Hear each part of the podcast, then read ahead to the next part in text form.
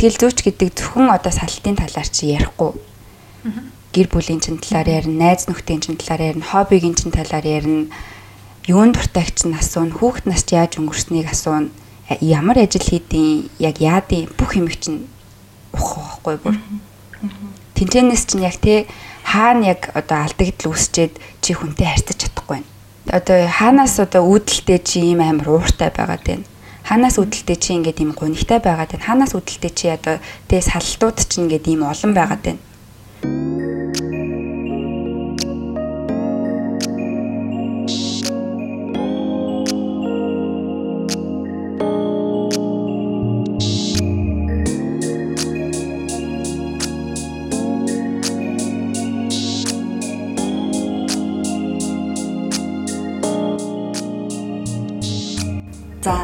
Өнөөдөр яг шархалсан нөө одоо нөгөө шархыг минь хөндөгж байгаа нэг тийм сэдв ярих гад хүлээлийн өрөөнд гурван хүүхэн сууж байна. Одоо хүүхэн нөө хүүхнүүд сууж байна. Бүсгүйчүүд. Бүсгүйчүүд. А тэгэж арай гоё юм байна тий. Гурван бүсгүйчүүд сууж байна. Тэгээд өнөөдөр миний зүрхийг баг эмтлээрээ.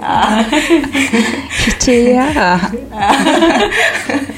Тэгээд өнөөдрийн зочноо танилцуулах уу? Аа тэгээ. Тэгэхээр өнөөдрийн хүлээлийн өрөөний зочноор Людвиг Максимилианы нэрмжит их сургуулийн бүтээгдэхүүн. Аа дэлхийн топ сургуулийн 31-т багтдаг. Энэ манай сургууль байгаа. Тэр манай сургуулийн бас төгсөгч.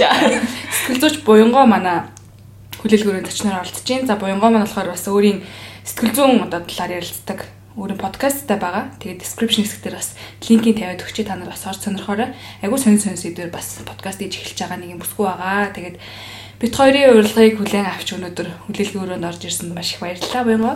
За намайг бас тоож оруулсанд баярлалаа. Бас ялцчгүй яг нөгөө сэтгэл зүйн талаар ярьдаг одоо сэтгэл зүйн мэдээлэл өгдөг подкаст ч гэлтгүй ер нь бол ямар ч юм Монголд ер нь байдгүй шүү дээ. Тийм болохоор бас бусдад хэрэгтэй юм болов уу гэд ер нь бол ихэлж байгаа.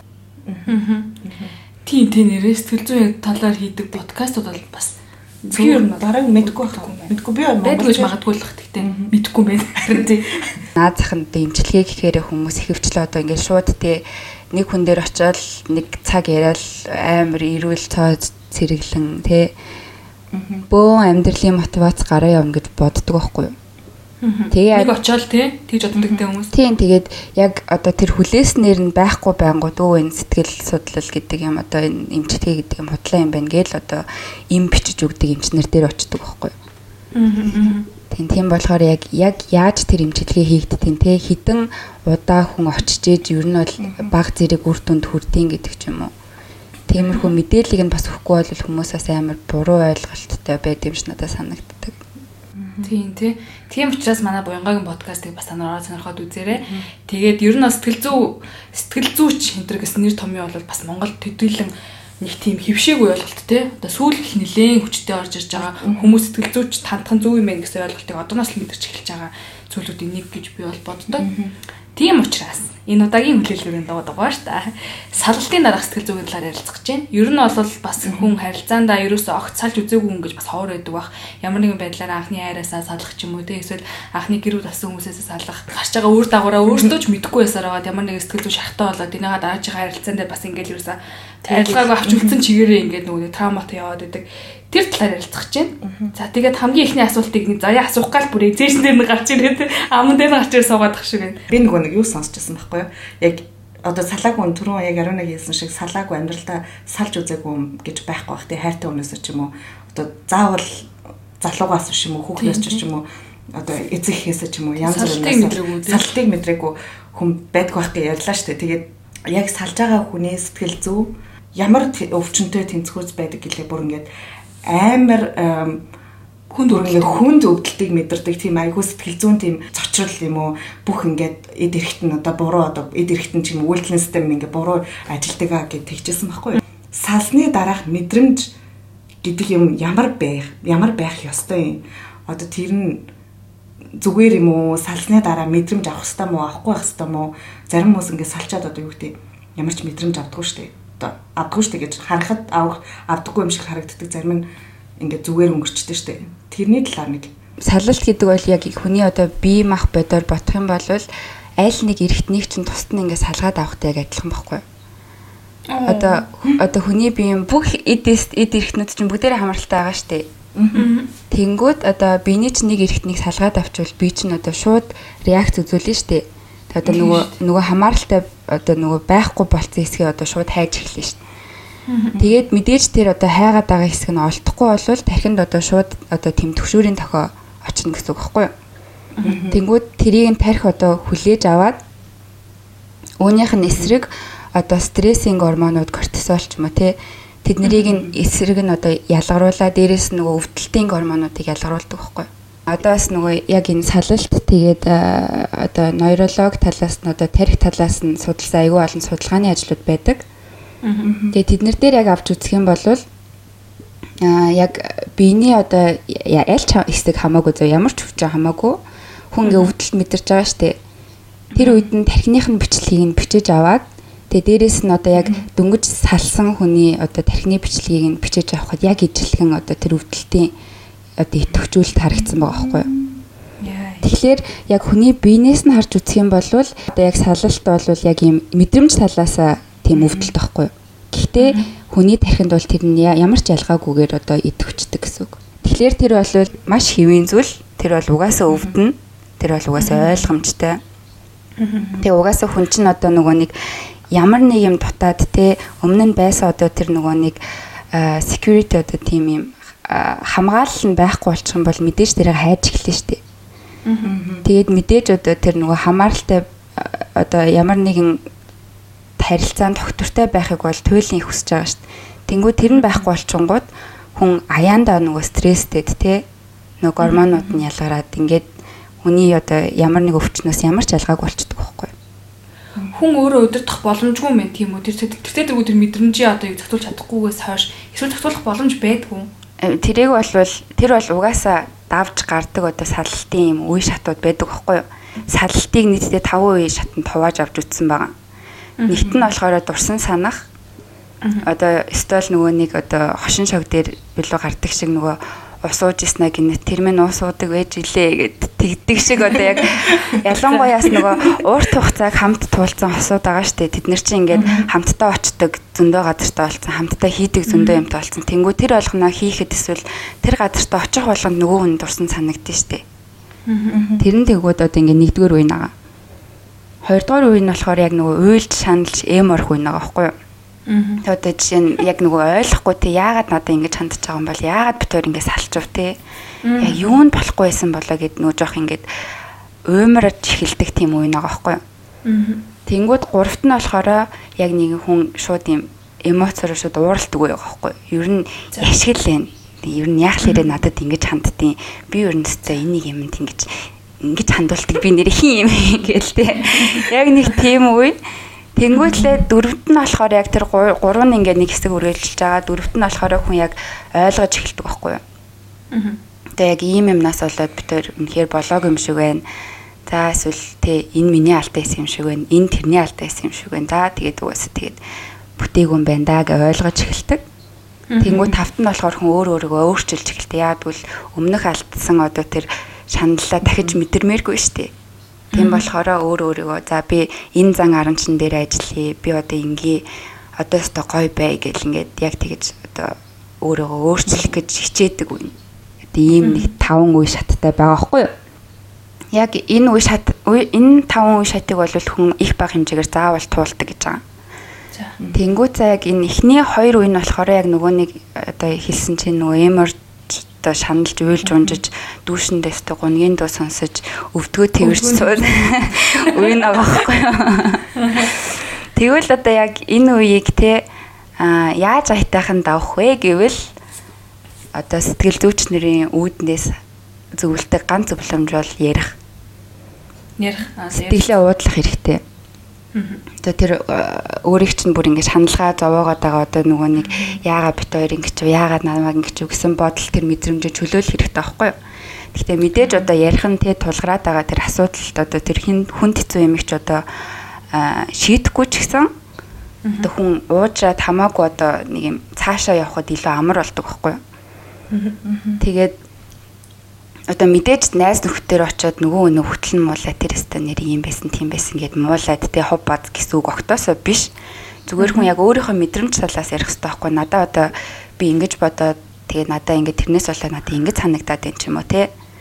Тэгээд ер нь бол харилцаан дээр хүн хүнээс зөвлөгөө авах бол одоо ялангуяа ойр дотны хүмүүсээс зөвлөгөө авах шаардлага байхгүй. Яагаад гэвэл яг тий хос хоёрын дунд бол хоёр перспектив байгаа тий хоёр өөр үнцэг байгаа. Тэрийг чинь хоёр л мэднэ гэхээс үл найзууд ч идэж тэрийг олж харахгүй байхгүй. Тийм болохоор ер нь бол зүгээр найзуудтайгаа яг сэтгэлээ уудлахтаа л ашиглах хэрэгтэй. Тэгээд яг энэ ярих тал дээр бол эмэгтэйчүүд хамаагүй нээлттэй байдаг болохоор бас энийг ингээд гайгүй даваад гарчдаг. Харин яг эрэгтэйчүүдийн хувьд энэ амар асуудалтай байдаг байхгүй юу? Эрэгтэйчүүд яг нэг юм шаналхгүй байгаа юм шиг амар зүүн сан ингээ харагдаад идэв штэ. Бүр нэг жаргаад байгаа юм шиг. Гэхдээ яг тэрэндээ биш байхгүй ягаад гэвэл эрэгтэй хүн эр хүн гээд тодорхойлцсон байгаа. Тодорхойлтондоо заавал багтах гад одоо ийм шалчгаар ийм уйлж дуулаа тийм юм их харуулахгүй тулд тэрийг амар дарддаг байхгүй. Тэгээ энэ мэдрэмжийн талаар ярина гэдэг чинь тэр амар юм эмо юм шалчгаар санагдана. Аа Тэгэнгүүт л одоо тэ найзууд нь яач вэ ч вэ гэх тэгэнгүүт наа угаасаа тэнэг хүүхэн байсан гэж хэлцдэг ч юм уу те. Үгүй тэнэг хүүхэн байсан бол тэгж олон жилдээ 5 10 жил 1 жил 2 жил байхгүй штэ. Тэр асуудал биш байхгүй юу? Зүгээр л одоо нөгөө нэг найз нөхдийнхөө одоо амийг нь даргал нэг үг байхгүй юу? Хөөрхий тэдмэн тэгж их шаналдаг юм биш үү? Нөгөө эрэгтэй хүн бол өстой яг айгүй бас хэцүү депрессдэг байхгүй сэтгэл готролтой орохтой болвол Тэгээд дээрэс нь амар хэцүү юм нь болохоор эрэгтэй хүн одоо нөгөө нэг мэдэрж байгаа тэр мэдрэмжээ дарахын тулд арх мансууруулах бодис тамхинд өөрийгөө бүр ингээд автуулцдаг байхгүй юу? Ихэнх нь тийм тэнгууд одоо нөгөө нэг юм фейсбүүкээр ч мөн ингээд яваад идэг зураг мөрг өгдөө штэ ингээд эмэгтэйчүүд хэн үедээ уйлж ийснаа гів гинэт ингээд амар фри болол те амар гоё болол. Харин эрэгтэйчүүд нь шоудж явж ийснаа гинэт ингээд уйлж мөлөл тэгдэг те. Тэнгууд тэр эрэгтэй хүмүүс чинь их гоё байгаадаа биш зүгээр нөгөө нэг шаналлаа дарахын тулд те. Одоо тэрнээсээ цухтаахын тулд одоо шоудад найз нөхдөдтэйгээ яваад байгаа байхгүй. Тэгэхээр одоо хүн одоо зарим хүн тэрнээсээ нэг юм айтаахан байгаад нэг зовхгүй байна да гэсэндээ биш яг нөгөө сэтгэлээ дараад ингээд өөрөө дотроо шаналаад байгаа байхгүй. Бүр амар их асуулт байна бурхан байна ингээд ар араас ингээд асуултууд оочр моочро хүлээгээд гэрэл гэрлаасаа сигналтаад байна. Юу ч гэсэн нөгөө нэг салтаас давж гарахаас одоо ингээд сайн ярьлаа шүү дээ. Дөнгөд би яг буцаж авах ихлмээр байна л да. Яг салталтан дээр очимоор байна. Яг салтаас ахилж ярьд юм уу гэд нөгөө чи хэллээ шүү дээ ингээд тархинд очдгоо гэд тархинд ингээ мэдээл очтгоо гэд. Тэгэхээр чин бид нөр тархиараа мэдрээд гин үү? Зүрхээрээ салаад гин үү? Сэтгэл хаана вэ гэж. Тийм тэр нөгөө нэг хайр гэсэн юмны яг тэр салалт гэдэг чинь тархиндаа л байгаад гин үү? Эсвэл зүрхэндээ үү? Эсвэл доороо байна уу? Хаана байна? Яг тэрийг мэдмээр юм. Хүмүүс бол нэг амар зүрх мөрх гээл зүрх зурж морал амар эд штэ. Яг үнэ хэлэхэд нөгөө зүрх нь яг үнэ хэлэхэд зүрх шиг хэлбэртэй биш. Тэр бол яг яг сэтгэл зүйн хувьд бол яг цэвэр тархины үйл ажиллагаа байхгүй юу? Яагаад гэвэл бүх одоо мэдрэхүү мэдрэл бүх юм чинь тархин дотор явагдаж байгаа штэ. Хүн гараа хөдлөхөд ярихад сонсоход бүх юм чинь яг тархины үйл ажиллагаа байхгүй юу? Тэгээ хүмүүс яагаад нөгөө нэг э, одоо юм мэдрэмжтэй хайр марийг сэтгэл одоо зүрхтэй холбоотой байна вэ гэхээр а тархич нь одоо мэдээлэл авчлаа штэ тэр хүн амар юм хөөрхөн харагдаад гоё харагдаад чи дурлаад байна штэ. Ингээ өөрт чинь таарад тарих чинь цааш нь мэдээл өгнө штэ бусад биений бүх хэсэгт чинь. Тэнгүүд шууд тарих тийм үед зүрхэнд мэдээл өгдөг байхгүй юу? зүрх ингээ болиглаад ингээ цохлоо тэнгүүт яг яг хүн яг зүрхэндээ байна гэж ойлгоход ингээл зүрхээ дараалаа гэж тэгээд тэгээд тал өөр гэдэг чинь хэлсэндээ байдгүй. Гүү тэгэл эргэнээ тэгээ нөгөө нэг зүрхний одоо тэр цусны эргэлт чинь ингээ хурдцтай болж байгаа штэ. Тэнгүүд одоо биений ч эд эргэтэн болгон чинь одоо гів гинт хурдцтай ингээд ажиллаад эхлэв штэ. Гів гинт нөө цусаар дүрээд тэнгүүд нөгөө гиз мэд чинь сонирн болоод хотоод модод чинь сонирн болоод гар марчин салганаал тэр бол яг цэвэр тархины өөрийнх нь үйл ажиллагаа байхгүй. Тархитай холбоотой нэг бас сонирхолтой факт гэвэл нь штэ.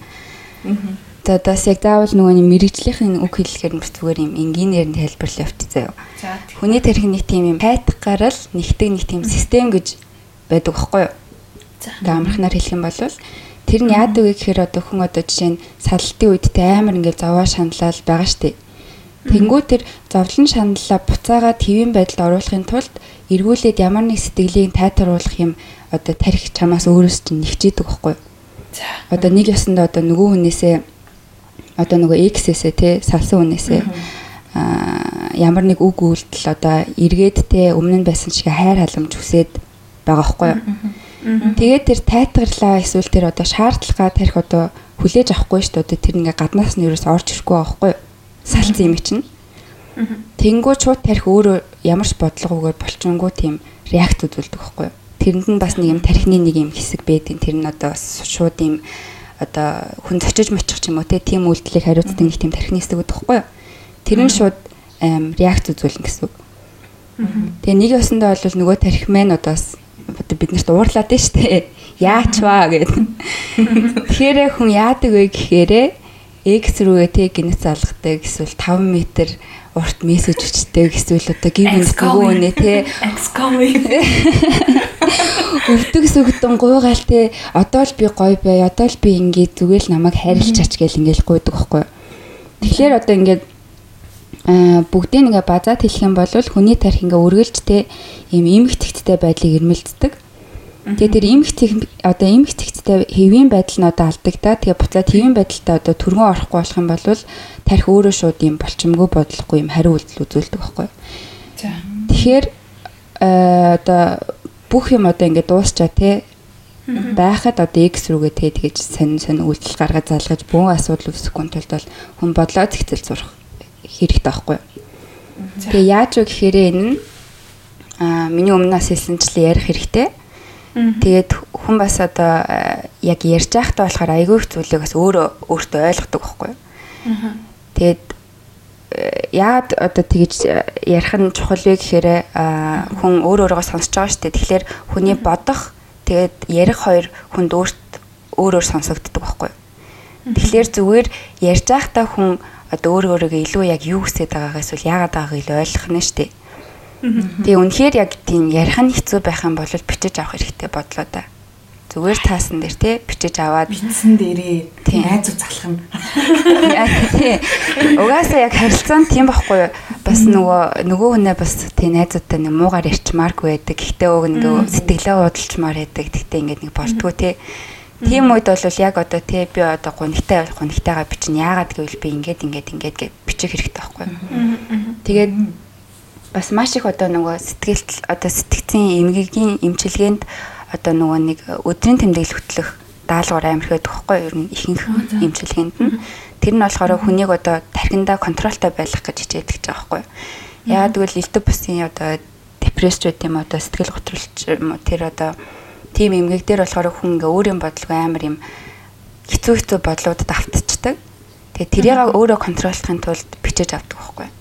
Аа Тийм болохоор энэ бол маш зөв зөвлөгөө одоо хүн бодоод хин одоо сэтгэлээ бичээд ийж ингэж бодож иж магадгүй. Гэхдээ салсан бол эсвэл айгүй зовоод чаналаад ингэж байвал ярих хүн байхгүй бол эсвэл ярих дургу бол зүгээр л бичээд үз. Тэ? Нэг хоёр өдөр бич. Тэгжээд л аяанда гартж ороод өөрөө бичих дуртай болно тэ? Энэ салалтын одоо жишээлбэл юу гэдэм те? Хүүхдийн үерхлийн салалт гэр бүлийн салалт гэдэг л хоорондоо харьцуулшгүй зүйлүүд ч тийм мэдээж хүүхдүүд хоорондоо өсвөр насндаа үргэж байгаа салах тэр мэдээж нэг одоо юу гэдэг анх анх мэд анх мэдэрч байгаа салалтын гэсэн утгаараа хамгийн хүчтэй мэдрэгддэг гэж магадгүй. Аа тэрнээс ялгаатай нь одоо гэр бүл хоорондоо салсны дараа гардаг өөрчлөлтүүд гэх юм уу одоо яг гэр бүл салаад хин хамгийн хохиж үлддэг вэ салтаас. Сэтгэл зүйн үед.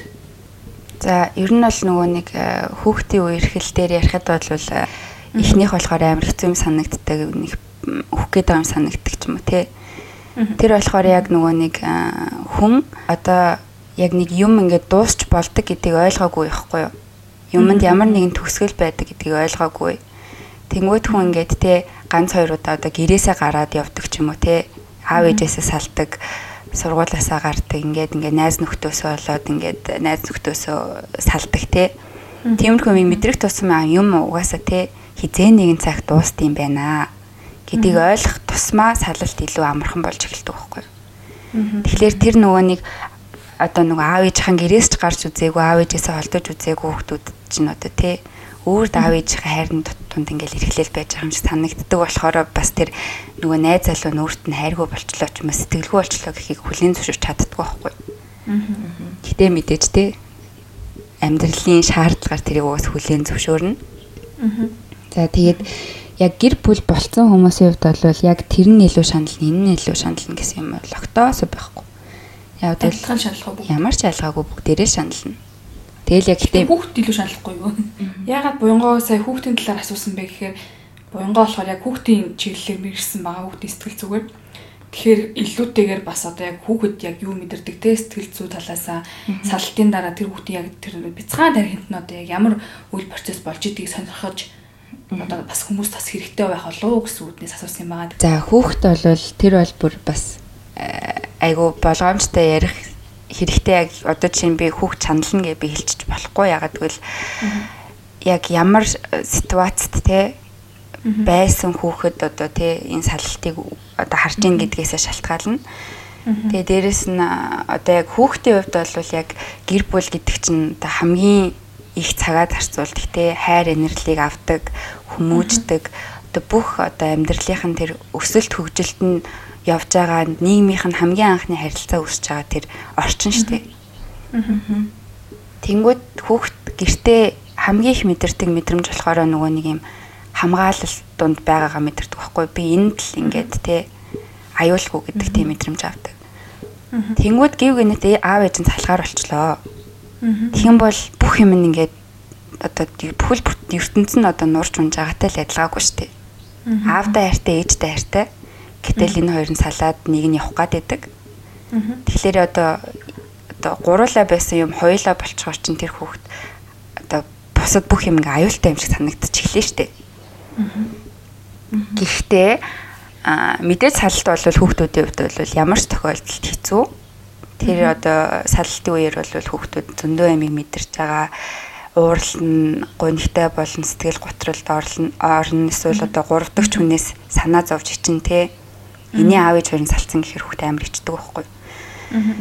Гэхдээ сайнаар нөлөөлдөг салтууд бас байгаад байгаа байхгүй. Тэр нь ямар вэ гэхээр гэр бүлийн харилцаан дотор эцэг их талаасаа тий дандаа хэрүүл маргаантай одоо бүр ингээд хайр нь унтарсан тий ингээд хайр халамж бүх юм нь ингээд байхгүй болцсон тийм гэр бүл байлаа штэ. Тийм бол тэр гэр бүл нэгт хоорондоо харьцахгүй. Эцэг их хоорондоо юм ярихгүй. Яриул хэрүүлхийн маргалт нь. Аав нь ажилласаа тарж ирчээд гэртээ ирэхгүй удна. Ягаад гэвэл гэртээ амар төвхтэй ядаргаатай байдаг болохоор. Тэнгүүд ээж нь тэрэнд нуцаарлна. Тэнгүүд яг тийм орчинд байгаа хүүхдэд ямар санагдах вэ? Тэр тэр одоо тэг ингээд аа ганц хайртай хоёр хүн нь ингээд бие биентэйгээ ингээд харьцаж чадахгүй байхад тэр нөхцөл байдал хүүхдийн сэтгэлзүүд ямараар нөлөөлөх вэ гэдгийг бодох хэрэгтэй байхгүй? Тэнгүүд эцэг эхчүүдийн миний одоо харж байгаагаар амар бүр ингээд э, дургу хөрмөр гэх юм уу? Үйлдэл болохоор ялангуяа Монголд амар их байдаг нь хүүхдийн төлөө тисэд ингээ гэр бүл байгаад байдаг байхгүй. Яа мэдээж те бүтээх гэж үзэх хэрэгтэй. Гэхдээ бүтэхгүй болвол болчих хэрэгтэй байхгүй. Тэгхгүйгээр хүүхдийн төлөөд хүүхдэд болцсон юм чинь гээд нэгт өөрөө өөртөө шоронд хийждэг. Хугацаагүй шоронд. Хүүхдтэй боллоо гэд хүн шоронд орж ин гэсэн үг биш шүү дээ. Үргэлжлүүлээл сайхан амьдрын амьдралд нь зөндөө хүмүүс таарах тохиолдол байна. Тэглээгээд те хүн өөр өөрийнхөө эцээ эцэд хүн хүнээрээ л үлдэнэ идэлх ирэх байгаа тэрийг л идэлнэ. Тийм болохоор өөрт нь үнэхээр тэ сэтгэлийн төвшөртэй амар хэцүү шаналлалтай байх юм бол салчих хэрэгтэй байхгүй. Тэгхгүйгээр ингээд тисэд хүүхдтэй бүр илүү одоо нөгөө одоо тийм хөнөөлтэй байдаг байхгүй сэтгэл зүйн. Тэгээд сая буянгог ярьж хахад би бодож илаа өөрийнхөө амьдралыг. Би сүүлийн одоо нэг хамтдаа байсан сүүлийн 3 жил 14 жилийн сүүлийн 3 жил нь яг нөгөө хүүхдэд бодож амьдрсан амьдрал байсан байхгүй. Миний хувьд бол тэгээд ингээл ерөөсөө нэг юм ямар ч одоо нэг юугүй тэ нөгөө нэг хайр байхгүй болцсон ямар нэгэн гал халуун юм байхгүй. Тэгээ ингээл хоёулаа ажилдаа яваал хүүхдээ ослохыг нь аваад орой ирэхэд нөгөөх нь зүрч одоо ингээл орж ирж идэгтэй ингээд ерөөсөө дайралтгүй шахах амьдрал. Тэгээд би яг бодож исэн за одоо ингээд жоохонд нь салаад явах вэ гэд нэгсэн бодож байгаа байхгүй чинь ингээд 3 жил орчим байчих чаа тэгээд 4 настай боллоо. Тэгээд ерөөс харилцаа ус дээртэхгүй байсан бит хоёрох. Тэгэнгүүт за за угаасаа яг ингэж удаадах юм бол хүүхдэд гэр бүл гэсэн зүйл ийм л хэд юм байна гэсэн ойлголт үүсчих юм байна гэж би яг тухайн үед хөөх юм. Тэр бас өөрийнхөө бяцхан тагнд бодож байгаа юм. Хүүхдэр хүүхдтэй болсон ч хүүхд тэрэл байгаа шүү дээ. Тэгээд тэр дотроо одоо бодож тэг битгаар яг гоё юм ярилцаж шийдвэр гаргажсан байхгүй. За ингээ хоёлоо болио те. Ингээ дахиад 50 жилийн амьдрал авч гэж салж ирсэн. Тэгвэл би тэгээд одоо бол нэг амар өөрийгөө зүгтгүү ч гэсэн ер нь бас нөгөө нэг хүүхдтэй бас буруу юм хийсэн юм дээ гэж хаяа шаналх үе байна л да. Хүүхд ингээд ямар реакц гаргаж байгаа гараад тэгвэл ингээд сэтгэл зүйч талаас ингээд бас сая яг иймэрхүү байдгааг ярьсан чинь миний сэтгэл амар амар болчихлоо. За за. Чи тий буруу юм юм биш үү гэж. Гүү гүү. Угаасаа энэ бол яг би ганцхан хэлээд байгаа ч юм уу те ганц номон дээр бичсэн юм биш байхгүй. Яг энийг чинь судалдаг гэр бүлийн сэтгэл судлал байгаа штэ. Амар олон өөд төмөн үнэхээр яг энэ хэсэг одоо салалт гэдэг юм бол амар судлагдсан юм. Тэгээс би нэлээд олон судалгааны ажлууд үзчихсэн байхгүй. Тэрэн дээр болохоор бас итгэж болохоор судалгааны ажлууд яагаад гэвэл айгүй олон гэр бүлүүдийг хамарсан тий. Айгүй сайн одоо хийгдсэн судалгаанууд байдаг. Тэднэр дээр болохоор айгүй одоо гэр бүл дотор асуудалтай гэхдээ гэр бүл үлдсэн хүүхдүүдийн одоо нөгөө нэг өсөлт хөгжилт, эрүүл мэнд, сурлага тий одоо ирээдүйд гарах амжилт одоо IQ гих мэт бүх юм нь асуудалтай байж байгаа салцсан гэр бүлийн хүүхдүүдээс бол бүр хамаагүй муу байсан гэж байгаа байхгүй. Тэгээ энэнээс яг харахад бол асуудалтай байвал зүгээр л 50% болчих. Тэрэнд зууралтад байх хэрэг байхгүй. Гэхдээ хүмүүс ингэж боддог байхгүй. Салчих юм бол те аавгүй гөөсөн, ээжгүй гөөсөн ингээд ингээд нэг ийм сони юм ярьдаг. Гэхдээ хүн саллаа гэхэд тэр бол хос хоёрын л хоорондынх нь л асуудал шүү дээ. Тэгэхээр саллаа гэд эсвэл одоо чи сайн ихнэр байж чадаагүй байж болно шүү дээ. Чи сайн нөхөр байж чадаагүй байж болно хамаагүй. Гэхдээ сайн эцэг их байх боломж бол насан туршид ч юм байгаа. Яг үнэ. Тэнгүүд салчлаа. За салчлаа. Муу нөхөр эсэн байна. Муу ихнэр эсэн байна. Гэхдээ сайн эцэг ихээрэл бай. Тэгэл болоо.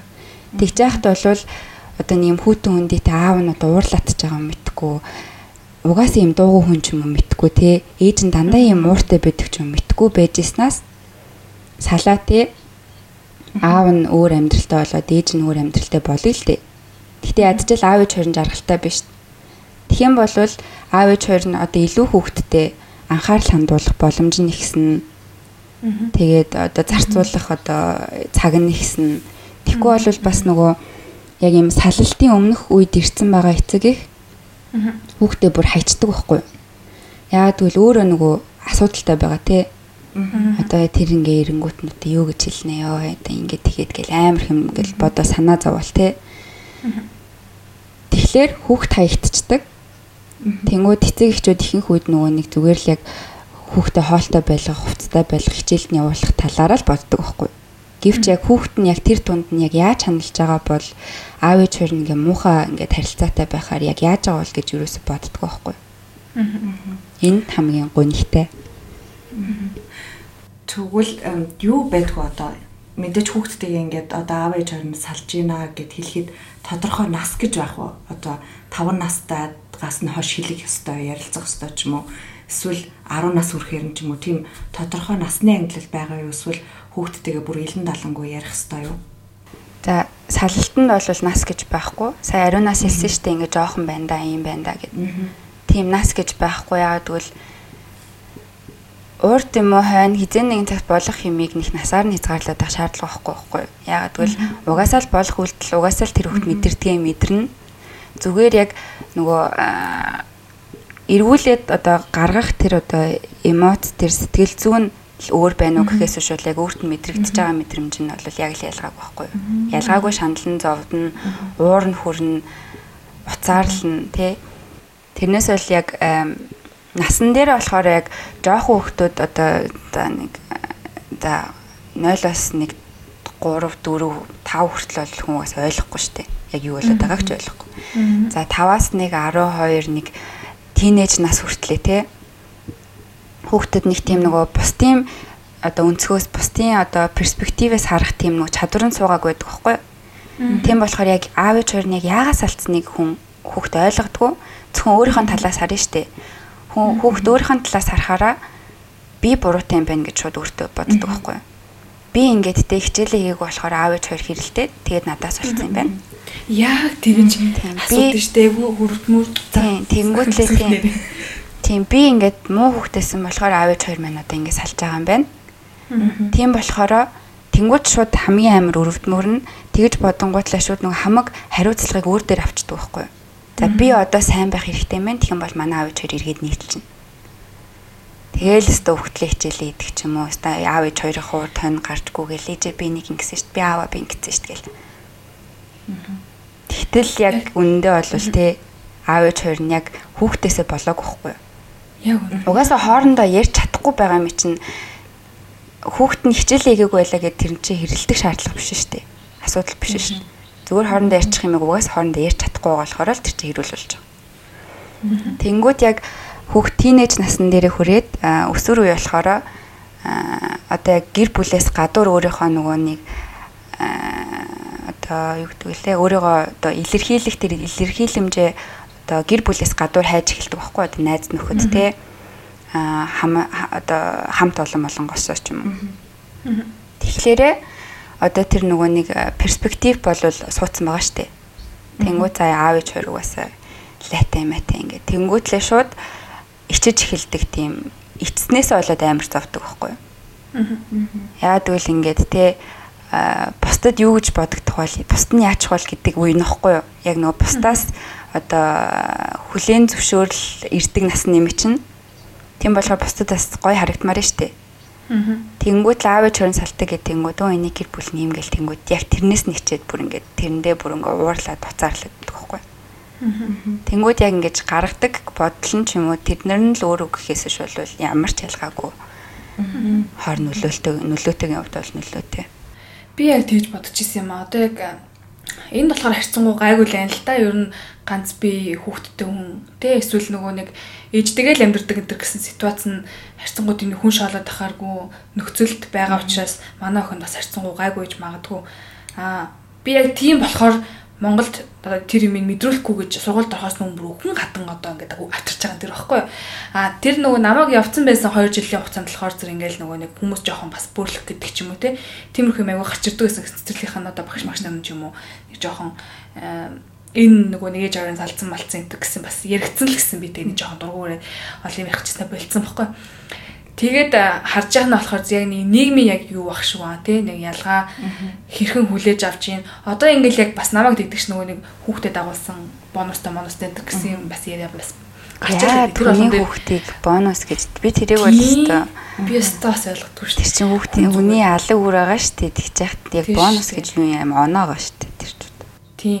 Тэгээ би яг энэ дээр нэг юм хэлмээр санагдаж байгаа. Хүүхдэд бол угаасаа ямар ч буруу байхгүй салт гэдэг зүйл дээр. Тэр бол цэвэр нөгөө нэг яг ээж аав хоёр гэсэн хүнийх нь хооронд болоод өнгөрсөн зүйл учраас тэрэн дээр бол одоо хүүхдийг буруутгамааргүй байна гэдэг аль аль талдаа хэлмээрээ. Томчууд ч тэр те одоо хүүхдийг нэг буруутгаал ааж ир чи яаж инээж ингэж асуух ч юм шаардлага байхгүй байхгүй тэрнээс. Тэрэнд чинь хүүхэд ерөөс баг анхаарал хандуулах шаардлагатай юм биш учраас тэрийг бас бид нэмж дамтанд оруулаач ээ гэж бас сонсож байгаа хүүхдүүд болон одоо эцэг эхчүүдээс хүсмээр байна.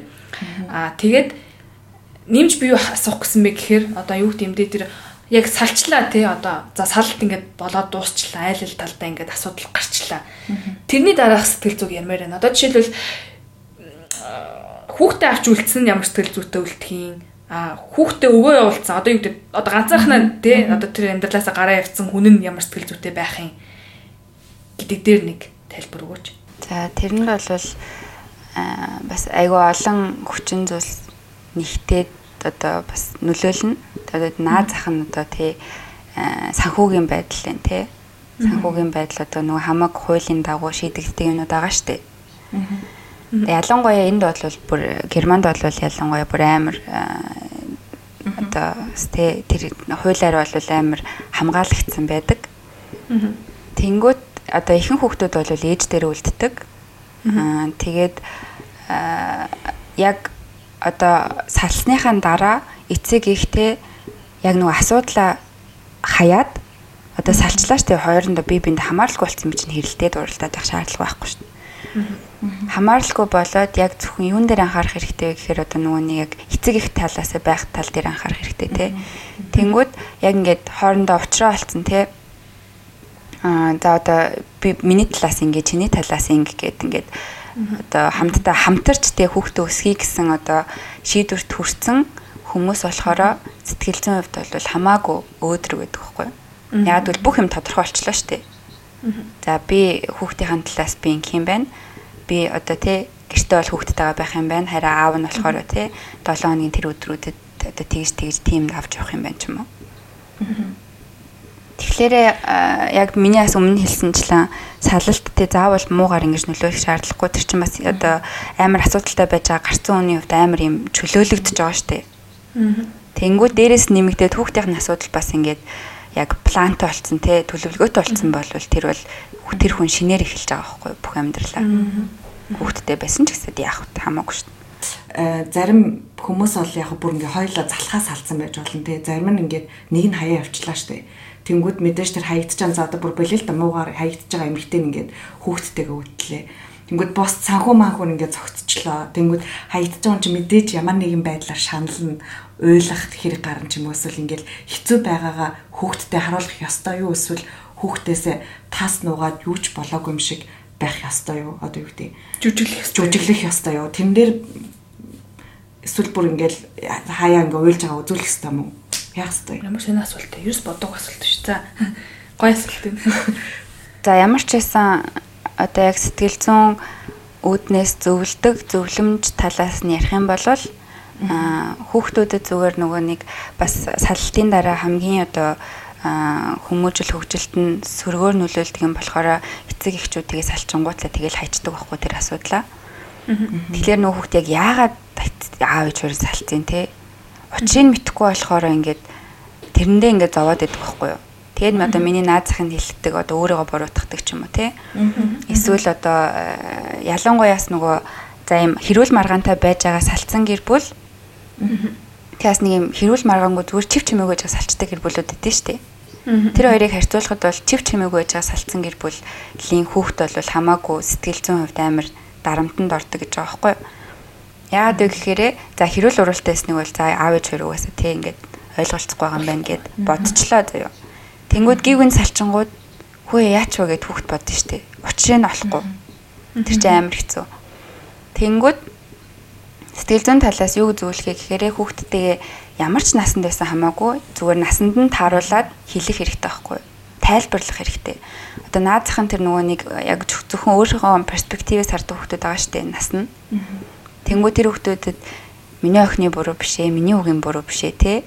Аав ээж хоёр нь те ингээд ийм ийм шалтгааны улмаас одоо ингээд сайн хоорондоо ойлголцож чадахгүй байна Тэгээ одоо ийм асуудалтай байгаад байна, тийм асуудалтай байгаад гэнт учирлаж хэлэх хэрэгтэй байхгүй юу? Тэгэх бол хүүхд аа үнэхээр болоогүй юм байна гэд ойлгож эхэлдэг байхгүй юу? Гэтэ мэдээж энэ тэ нэг урд нь суучаад уйлаад гэсэн үг биш байхгүй юу? Мэдээж том байх хэрэгтэй. Тийм. Хүн хайртай хүнээ уйлаа сууж байхыг харахыг мэдээж хүсэхгүй. Эцэгийг ч гэсэн тэрийг харуулад ээж угаасаа чадахгүй. Одоо би харуул гингүүд харуулах харуулад байхгүй шүү дээ мэдээж. Аа. Тийм ээ. Тэгэхээр яг зүгээр яг өөрийнхөө мэдрэмжээ дагаад гэхдээ дандаа тайлбартай. Уйлж агаад баригдчихвал хамаагүй. Үргэлжлүүлээ уйл гэхдээ яагаад уйлж байгааг хэлтэй. Тэгэхгүй ээж нь зүгээрээ гэлчих юм бол тэр хүүхэд чинь яна би буруу юм ийцэн болов уу? Яна би яатсан болоо гэл ингээл шүү дээ. Тэгэл тэгэхэр чинь авах чийсэн харилт байна. Заашгүй дээ. Өгөө тэгэхгүй бол нэг нэг яг эцэг эхчүүд ингээд нэг юм нуугаад одоо юу гэдэг нь те адилхан л хүн л юм чинь уйлж байгаа ч юм ингээд хаяада миний биний бодлоор тэгж боддог байхгүй хаяада ингээд харуулвал эн чинь нэрээ салтын дараа эн чинь бас хэвий үзэгдэл юм байна ингээд хүн чинь бас хямархан ч юм ингээд нэг юм тийм одоо юу гэдэг хэвийн юмыг яг хэвийнээр нь хүлээж авахгүй. Тэгэхгүй бол ингээд юу гэдэг эрэгтэй хүмүүс хүүхдийг багаас нь чи эрэгтэй юмж уйлж болохгүй ч юм уу те. Чи салсан юм чи эрэгтэй хүн чинь чанга байх хэрэгтэй ч юм уу. Ингээд бид нар нийгмээс багаас нь буруу заагаад өгөөдөөвэл цаашдаа ч гэсэн нөгөө нэг хөгжлөн ч гэсэн сэтгхүүн ч гэсэн одоо юу гэдэг нийгэмд гаргах нөгөө би ир хүн юм чинь чангах хэрэгтэй гэд уйлдгүй ч юм уу тий уйлж байгаа үзүүлэхгүй ч юм уу нэг тиймэрхүү нийгэм яваад хөгжөөд байна гэдгийг яг хэлгээд тэгээ асуулт асуусан байхгүй Тэр бол бүр яг амар ноцтой асуудал ахгүй яагаад гэвэл би бас өмнө нэг нөгөө нэг э, эрчүүдийн амиоралтын талаар би подкаст хийсэн байхгүй юу. Тэгээд тэрийг би яг хийх гээд бодож байхдаа би зүгээр яг Монголын нөгөө э, статистик тоомог ингээ харж байхад бол эрчүүдийн амиоралт амар дээгүүр ордог. Одоо ялангуяа залуу хүмүүсийн өөхөх шалтгаануудын айгүй дээгүүрт нь ордог. Тэгээд нийт шалгалт ээ амиа орлолт эрчүүдийн Аа за амиа орлоо аа за. Тэгээд а нийтдээ ингээд бас дэлхийд даяар авч үзэхээр эмгтээчүүдээс илүү эрчүүд нь одоо ер нь бол амиа орлдог. Тэгэхээр яг энэ нь яг нөгөө нэг юм чи эр хүн юм чинь чи юм чинь гэд тэгдгээс болдог байхгүй. Гэхдээ эр хүн байлаа гэд хүн хүн биш болчихгүй штэ. Хүн ялгаагүй л бүх эрэгтэй эмэгтэй ялгаагүй л бүгдээрээ тарихтай, сэтгэл зүрхтэй, нөгөө бэлгэлдэг зүрхтэй, тархины ялгаагүй л зүрхэнд нь мэдээллийг өгч байгаа. Тийм болохоор тэрэнд бол нэг нийгмээс нэг амар битээ шалчганаад амилчганаад гэх нэг тэр бол өстой хэрэггүй. Тэгээ одоос яг нийгмийн тэр одоо байдлыг нь бас ярих юм бол яг гэр бүл тал дээр одоо яг нөгөө социализмын үед ч юм уу одоо яг өмнөх үеийг одоо ярих юм бол нөгөө нэг гэр бүлүүдийг саллуулдаг байсан шүү дээ салгадаггүй. Тийм шүү дээ. Тэгээ байлгаад ажил мэтлээс нь яаж магаал тэ албан тушаалаас нь болиж молилдог болохоор хүмүүс салтдаг байсан шүү дээ. Тийм болохоор яг тэр нь ингээд тогтцоод байгаа даа байхгүй юу? Ерөөсөө салахгүй. Тэгээд тийм болохоор одоос нөгөө нэг юм ганц би ээж ганц би аав ч юм уу те хүүхдтэй хүмүүсийг одоо ингээ хүмүүс айгу буруугаар ингээ ярьдаг те. Энэ одоо ойлгохгүйгаас бол ингэсэн байгаа шүү дээ. Ингэсэн байгаа шүү дээ те. Тэрэнд бол ойлгохтой ойлгохгүй ямар ч хамаагүй байхгүй. Тэр бол хоёр хүний хоорондынх нь л асуудал болохоос биш бол хүн мянга олигтой яваад үнэхээр бүтэхгүй бол тэгэл бүтэхгүй штэ. Энийг бол давтан давтан хэлмээрээ. Олиггүйнээс салдаггүй. Харин яг тэгж бодлоо. Олиггүйнээс салдаггүй. Тэли олиггүйдээс салдаггүй шиг ингээ юу болчихмаар үү те. Баймаа тавьдаг. Нөгөө нэг Үгүй ингээ айгүй онцгүй байна. Би ингээд хүүхдгүй болохоор ингээ ярихгүй байсан. Ингээд хүүхдийн сэдвээ, хүүхдийн сарлалтын сэдвээ одоо ингээ гуруула базыг заяа. За за тэгээ. Тэгээ өөр тийшээ явъя. За тэгээ. Өөр тийшээ явъя. Над руу буцаа явъя. За. За минь тэгвэл энэ хүүхдийн сэтгэл зүгээс ойлгосон юм хэлчих. Хүүхдээ болохоор л хэлье да. Салж болох юм болох юм шүү хэлчих. Э, юу гэдэг одоо сая буянгогийн яриаг ингээд сонсоод тэгээ ажил дээр би ч бас яг нийгмийн ажилтан гэдэг нэг тиймэр ажилтсан шүү дээ хөрх юм аа. Тэгэнгүүт э, юу одоо ингээд хамгийн том өгч байгаа бид гурыг хэдгэж байгаа ч юм уу санаа болохлээрээ хүүхдтэйгээ элен далангүй ярья. Тий ажиргалгүй гэр бүлийг битгий бүтээе. Ажиргалтай байхын тулд заавал хоёроо эхнэр нөхөр биш ээж аав байд сурья гэдэг юм уу тий. Тэгээ тэр санааг өгч байгаа юм уу гэж би бодлоо. Би тэр нэмэд нэг хэлчихв дуусах гэж байгаа юм шиг. Тэгээ хүүхдтэй холбоотой болохоор яг энэ сэдвийг ингэж яалаа. Хүүхдийн сэдвийг таах гэж шүү. Тэрнээс цаашаа салт үйлчлээ. Юу юм байгаа заавал хин нэг нэг хохироож одоо яг тийм харилцаа үүсгэхээс өмнө төрүүлж бодооч ээ. Жохон хүүхдэрээ бити хүнтэй суугаач ээ. Тэ өөрийгөө таньж мэдээг байхдаа гэр бүл болж бити тоглооч ээ. Гэр бүл болж тоглохыг чулуугаар л тоглодог. Эд эсээр тоглодог юм шүү гэж бас хэлмээр байна. Тэгээд эн чинь ингээд салт гэсэн юм үүсэх нөхцөл нь гэрлэлт гэж зүйл байгаа юм чинь тэ эсвэл нийлсэн гэсэн зүйл дээрээ салт гэж үүсэж байгаа учраас нийлхээс өмнө бодооч ээ хүүхдтэй болохоос өмнө бодооч ээ гэж дахин дахин хэлмээр байна аа. Тийм. Би би бас төгсгөлт нь энэ сэдвийг хаагаад димэлчихв. За тийм. Мэргэжлийн юм жоохон хөглөөд. За тэгээ дээрэс нь одоо нөгөө нэг э, юу байна? Аа сэтгцэн эмгэгүүд байгаа байхгүй хүүхдийн. Тэгээд тэд нар нь болохоороос нөгөө нэг үүсэх магадaltaй шүү дээ. Одоо ялангуяа сallтыг бол хүүхд өөр өөр хүлээж авч өөр өөр одоо нөгөө нэг одоо процесс нь одоо өөр өөр явагддаг. Тэнгүүт тэр нь яг юунаас шалтгаалдаг вэ гэхээр би бас айгүй бас чухал мэдээлэл өгөх гэж байгаа шүү. Энэ нь одоо нэг юм яг генээр авч үзэх юм бол удамшдаг нэг тийм нөгөө эмзэг сэтгэл одоо сэтгцэн сэтгэл зүйн эмзэгшил гэж юм байдаг хгүй юу? Одоо би яг монголоор тэгжил орчуулсан. Тэгээ тэр нь одоо удмаар дамждаг. Ер нь бол генд тэр мэдээлэл нь хадгалагддаг. Тэгээ одоо нөгөө нэг юм сэтгцэн эмгэгүүд одоо удамшдаг, задамшдаг гэлтэгдэн штэ. Тэгээ тэр бол үнэн яг л ихэнх сэтгцэн эмгэгүүд бол удамшдаг. Тэгээ тэр нь нэг амар тий одоо би жишээ нь сэтгэл готролтой байлгаа миний хүүхд заавал сэтгэл готролтой болно гэсэн үг биш аахгүй юу? Миний хүүхд те одоо borderline ч юм уу өөр сэтгцэн эмэгтэй болж болох байхгүй юу? Зүгээр тэр нь болохоор генд одоо сэтгэл гутрлын ген гэж байхгүй байхгүй юу? Тэрэнд нь зүгээр тэр сэтгэл зүйн эмзэгшил гэдэг юм мэдээлэлдэг. Тэр эмзэгшил гэдэг юм нь өндөр байдаг хүмүүс болохоор амьдралд нь жижиг юм тохиолдсон ч гэсэн тэрэндээ ингээ шууд даун болчдөг. Шууд сэтгэл готролд ордог. Би удаад чадахгүй гэсэн үг үү те? Тийм. Одоо тэр нь цаанаасаа генд нь байгаа хгүй одоо жоох юм эмзэг төрлийн хүмүүс гэсэн үг. Тэнгүү тэр эмзэгшил нь баг хүмүүс болохоор одоо амьдралд нь тэ өхөл хацал юу ч байсан тохиолдсон гайгууд аваад гарчдаг. Тэгэхээр би бас энэ заавал хэлмээрэн сонсож байгаа хүмүүст нь хүмүүсийг те зовлонгоор нь ялгах болохгүй. Тэ ингээд юун сүртэй наадах чинь би би ч гэсэн давцсан юм авцсан те. Одоо найз чинь гэр одоо нөхрөөсөө салчлаа гэж утгаад юун сүртэй юм би садаа салаа болцсон л штэ болцсон л штэ гэл хүмүүс тийг зөвлөдөө штэ найзуудаа. Тэр биш аахгүй тэр чи яг тэр эмзэгчлэрээ тодорхойлогдно. Тэнгүүд хүүхэд ч ихсэн ялгаагүй тэр эмзэгшил нь хэр байгаагаас шалтгаалаад сэтгцийн эмгэгт одоо өртөх аюул нь баг байна их байна уу гэдг нь хамаарна. Тэнгүүд одоо тэр эмзэгшил нь их байх юм бол хүүхдэд бүхэл төрлийн одоо сэтгэл зүйн эмгэгүүд үүсэх магадлал өсчлээ штэ.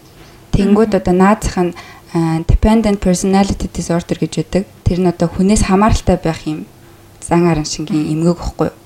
Тэр нь одоо нөгөө эцэг их нь нэг тал нь байхгүй болчлоо штэ. Тэгэн бол нөгөө талаа би алдчихгүй гэсэн айцсаас болоод одоо ээждээ ч юм аавдаа ч юм бүр ингэж наалтаж эхэлдэг байхгүй.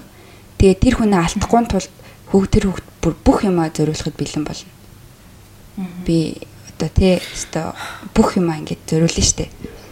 Тэнгүүд тэр нь ирээдүйд яах вэ гэхээр харилцаан дээр ч гэсэн хүн чамааг яаж ч ашиглаж исэн чи ашиглуулаа л гэж.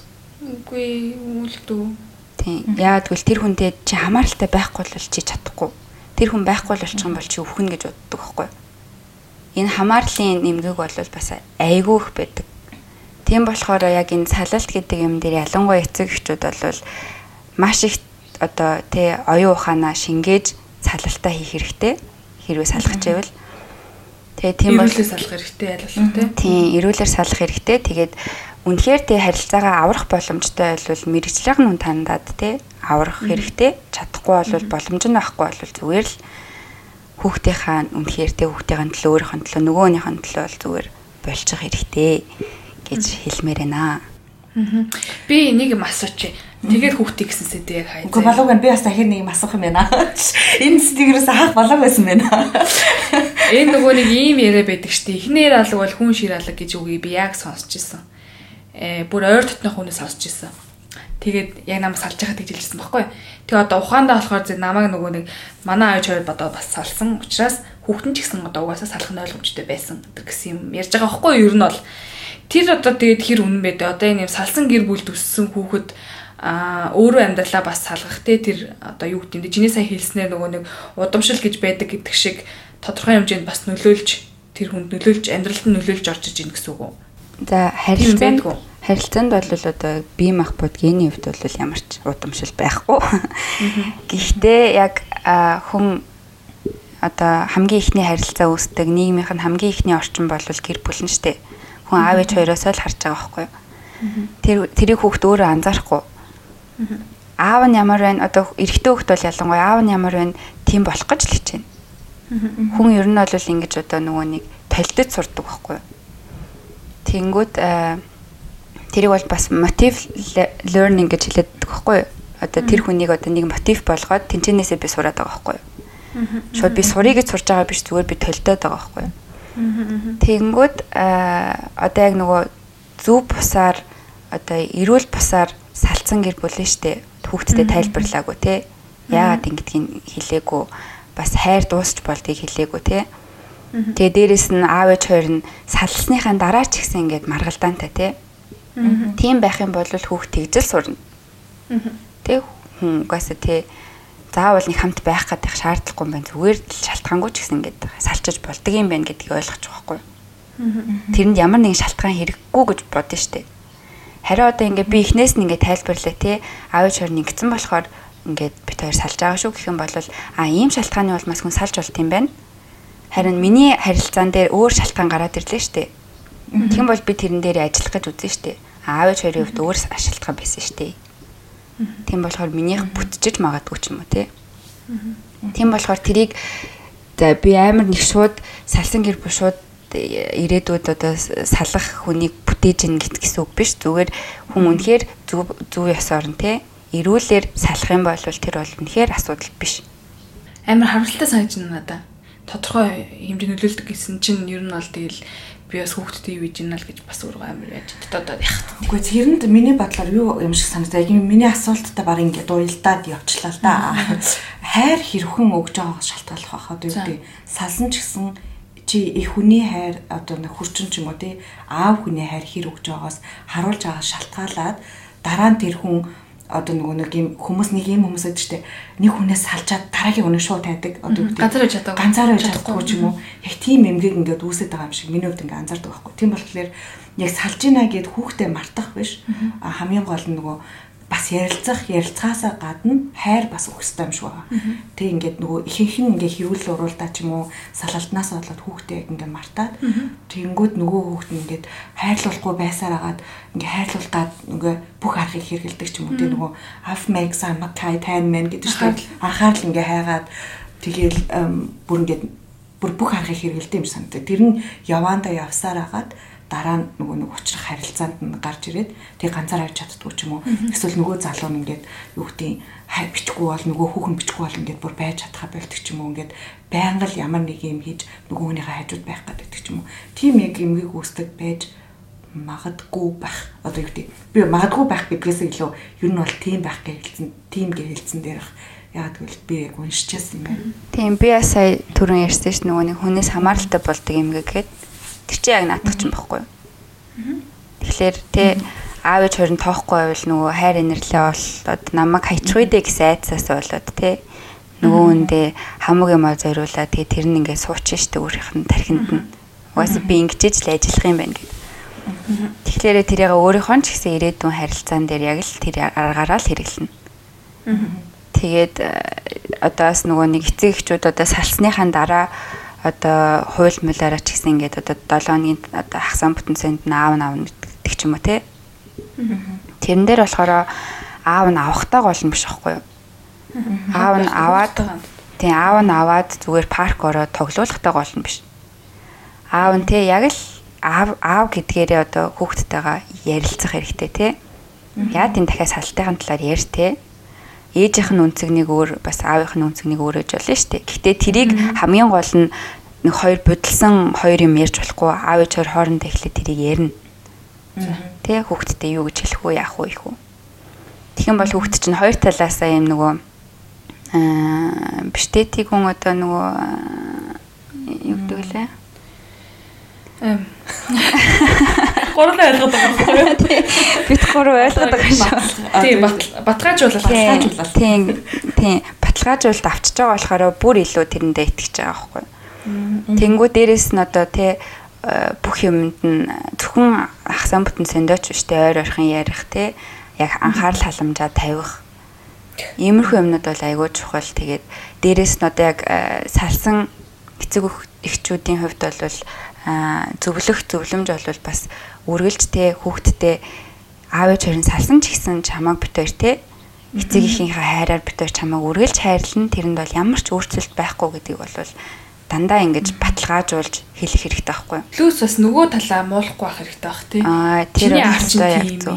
Тий танаа их чин тэгсэн мэгсэн энэ гэл нэг юм нэг юм өөрөөгөө дүүлгөөд нөгөө талыг ингээд нэг муулуул муулуулсан нэг тийм одоо яах гэдэг үзий ядуулах гэдэг юм яах гэдэг юм бол тий нэг тийм юм битийгээсэ гэж би бас бодож би бас хүүхдтэй одоо ярьдаг байхгүй аав ээж салсан ч гэсэн одоо юу гэдэг юм дээ одоо тий аль аль талдаа бол хоёул ингээл амьдралтай болоод явах нь ойлгомжтой.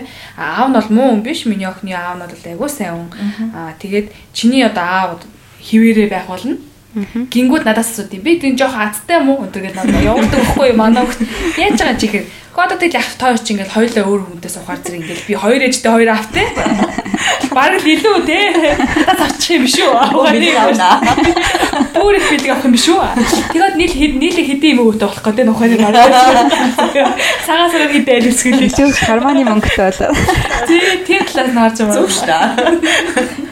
Гэхдээ яг тийм байхгүй одоо нөгөө нэг ихэнх эцэг эхчүүч яг нэг юм нөгөө хүндээ гомцсон гомдолтой ч юм уурандаа нөгөө шарлахаад тэнгүүтлээ нөгөө нэг хүүхдээр нь зовоолуулах гэдэг байхгүй юу?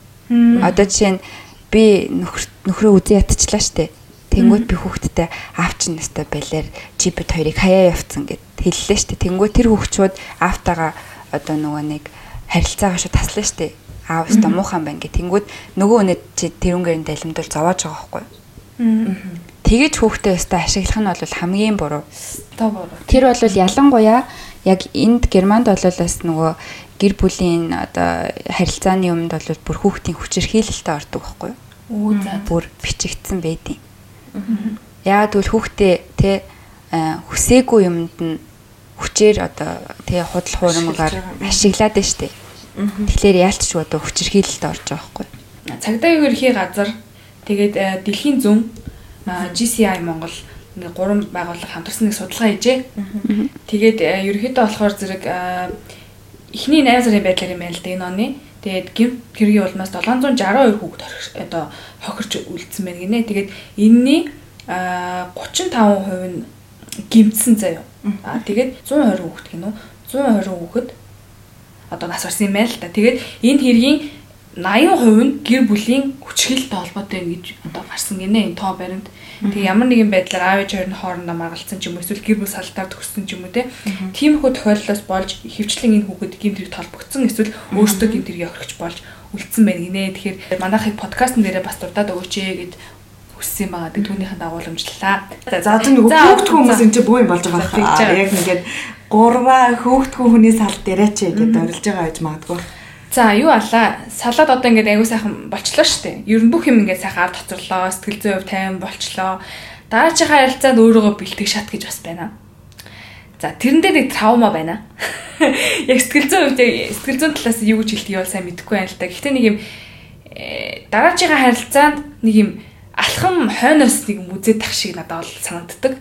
Хүмүүсийн салтын дараа нэг тийм их юм байдгүй та хоёрт юу гэж бодож байна? Юу гэсэн үг алхам хойноос үзээд байдаг гэж. Одоо яг тэ урд нь болохоор зүг зүгээр ингээд ямар салт мал мэдрэг байхтай ингээл бүх юм одоо ингээл юу дээ те сайхан байх юм шиг ингэж бодож моддог байла.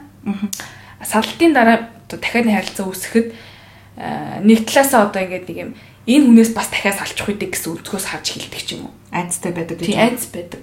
Тийм гэдэг. Тэр ихтэй угаасаа юу гэдэг хэмээ үзэгдэл биш одоо чи ингээд халуун билетийн дээр нэг удаа гараа тавиад үзсэн бол дараагийн удаа чахиа гараа тавихгүй шүү дээ. Чи тэр халуун гэдгийг мэдж байгаа учраас яг тэрнтэй адилхан чи нэг өвдөд үзсэн, нэг шаналаад үзсэн, нэг салаад үзсэн хүн чинь ахиа салчихдаг гэсэн. Ер нь бол жоохон айдас бол байнга байж идэг баг. Гэхдээ тэрэн дээр хамгийн гол нь чи тэр одоо харилцаанаас юу хүсэж байгаа гэдгийг л чухал байхад үгтэй. Цаашаа явна гэж итгэлтэй байна уу эсвэл энэ хизээ нэгэн цаг дуусна гэж бодож байгаа гэдгээс шалтгааллах байх гэж би бол бодож байна. За би наадхын дээр чинь наадхын дээр чинь бол хоёр том сэдв барьж авах юм байна. Эхнийх нь болохоор хүнд нэг юм одоо бодох тийм буруу одоо арга барилууд гэж байдаг байхгүй юу? Тэр бол хүнд одоо амьдралынхын туш ингээд тохиолдсон бүх юмнаас нь болоо үүсдэг. Тэгэд ялангуяа тэр нөгөө нэг 7 илүү 8 тийм одоо арга байдیں۔ Арга барил. Би бас их сайн санахгүй байна. Гэхдээ тэр бол ялангуяа одоо энэ нөгөө сэтгэл готрол мотрол гэдэг бүр нэг юм даун боддог хүмүүс байгаа штэ. Эмо боддог хүмүүсийн хувьд бол хамгийн том асуудал байдаг. Тэгээд дээрэс нь бас хэлэхэд эмчилгээ одоо тий сэтгэл готрол эмчилгээд бол их хвчлэн тэр нөгөө нэг бодох тэр арга барил дээр нь илүү ажилдаг байхгүй. Тэнгүү тэр арга одоо тэр хүнд тодорхой хэмжээний тийм 7-аас 8 тийм буруу боддог одоо юу зам байдаг. Тэр нь жишээ нь нэг нь болохоор юм болгоныг ингээ категорийн хийчдэг байхгүй юу? Тэр нь яаж яаж ийнэ гэхээр надаа нэг удаа болцсон юм чинь миний амьдралын турш дандаа л тийм байна. Гэ бүх юм дээр нэг юмыг ганцхан удаа болсон ситуацийг бүх юм дээр ингээд нэгтгээд хэлцдэг. Эсвэл одоо юу гэдэг ариуна надад дургу заяо. Дургу гэд надад хэлсэн. Тэгвэл заяа ч гэсэн надад дургу. Уг нь заяа надад дургу гэж хэлээг байхгүй нийтэд ингээ бодцдаг тийм буруу одоо зам байхгүй. Эсвэл одоо бас нөгөө салалт малтан дээр бас ярих юм бол одоо бас бүх юмыг ийм амар юм юм шиг одоо хүлээж авдаг хүмүүс байгаа штэ. Зүгээр одоо тэгээ нөхөр нь ганц одоо нөгөө тийш араа унтчихлаа тэнгүүд өө надад хайр хайрг болцсон юм байна. Би юу буруу хийсэн болоо гэж өөр хүнтэй болцсон юм байна гэд яг тэгж боддог байхгүй. Гэтэ тэр бодлоосоо бүр салж чаддаг хүмүүс гэдэг байхгүй бүр. Йоо ямар хэцүү юм бэ? Тэрнээс ингэж юм шүү бас. Харин одоо ихэнх сэтгцэн юмгуудын яг нөгөө буруу боддог энэ юмнууд дотор нь байдаг байхгүй. Тийм болохоор бас яг энэ бодол дээр нь ажилтیں۔ эмчилгээнд дээр. Тэгээ эсвэл одоо бүх юмыг өөр дээрээ одоо тий хитрхийх одоо нөгөө хүн дээр ингэж тусгаж авдаг. Одоо жишээ нь м одоо юу гэдэг чинь ажил дээр гів нэг дарга орж ирээд өнөөдөр ингээд те айгуу муу одоо үр дүнд хүрлээ гэх тэнгүүд нөгөө бэст нь навшаа ажиллажлаа. Гэ шууд ингээл өөр дээрээ тусгаж авал өөр өөрөөгөө зовоогоо л ингээл ингээл хэцүү.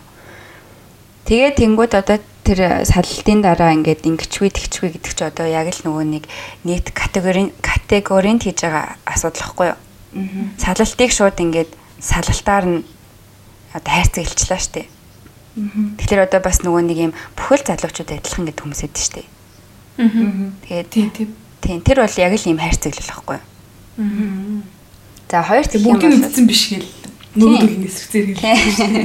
Тэр нь болохоор яг нөгөө нэг юм нэг бол тийм амар хитүү салаагүй эсвэл яг нөгөө нэг эмзэгчлэн арай гайгүй хүмүүс гэдэг байхгүй. За тэгээд хоёрт гэх юм бол нөгөө майндсет гэж юм байдаг штэ.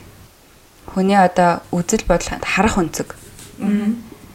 Тэр бол яг энэ салалт гэдэг юм дээр бас дараачихын юм дээр ингээд юу амьдралын турш бүх юм дээр чинь нөлөөлнө. Тэгээд майндсетийг бол дотор нь хоёр ангилдаг байхгүй юу? growth mindset нөгөөх нь fixed mindset гэж ангилдаг. Growth нь болохоор өсөн дэвждэг те. Дандаа өсөлтийг ирмэлцэлдэг mindset. Нөгөөх нь болохоор бүр яг юм тогтцсон mindset байхгүй юу? Тэгвэл одоо одоо тэр өсөн хөгжих mindset дүн болохоор дандаа алдаа дутагдлаа те. Бурууг одоо өөрөөсөө айгу зөвөр олж хардаг. Тэгээ би те ингээд өчигдөр одоо нөхөрлөөгөө ингээд ташгичсан болохоор те уураа гаргацсан болохоор өнөөдөр надтай ярихгүй байгаа нь одоо зөвдөө Тийм болохоор одоо би ингээ уучлахгүй хэрэгтэй юм байна эсвэл бит хоёр салцсан. Тэгээд энэ нь ингээд те би үнэхээр ойр үж хааш мотой ирсэн байсан юм аа. Би ингээд те ажил дээр ингээ стресстэйсэн болохоор ингээд уцаарласаар байгаа бит хоёр салчлаа. Тэнгүүд тэр хүмүүс одоо тийм growth mindsetтэй тэр өсөө хөгжих mindsetтэй хүн болвол дандаа өсөн дэвчгийг ингээ ирмэлцдэг хүмүүс байгаа штэ. Тэнгүүд за би юм алдаа ийцэн юм чинь дараахад дараачихын харилцаан дээр би энийг ингээд засчээ. Тэ одоо дараа нь ингээд чи өөр найз залуутай боллоо штэ. Тэнгүүд нэг л ингээд уурч үрээд байвал за би ажил дээр нэрээ жоох стресстэйсэн билүү яатсан билээ боддог байхгүй. Өө нэрээ би чинь стресстэйсэн штэ гэх тэнгүүтлээ тайвширдаг ч юм уу те. Эсвэл тайвш одоо ажил ажил бүх юм хамаарахгүй болвол мэдээж те эн чинь шин ситуацаа. Тэнгүүд тэрийг дахиад одоо олж мэдэх гэж хичээ штэ. Тэнгүүд fixed mindsetтэй хүмүүс болохоор нэг бол өөрийнхөө алдааг олж хардггүй, нэг бол олж харсан ч гэсэн алдааг одоо өөрөөсөө түлхээд бусдаа сайдаг байхгүй юу? Би ингээд ингээ гоё ахт чинь тэр ингээд хайрста даадгүй мадгүй гэдэг ч юм уу тий. Тиймэрхүү байдлаар хандна. Эсвэл хамгийн бас аимшигтэй юм нь болохоор заяа төөрөг, хувь заяа, тэгээ заяаны хань гэдэг юм тэтгдэг хүмүүс байхгүй юу? байдгүй мүдэрч байгаа.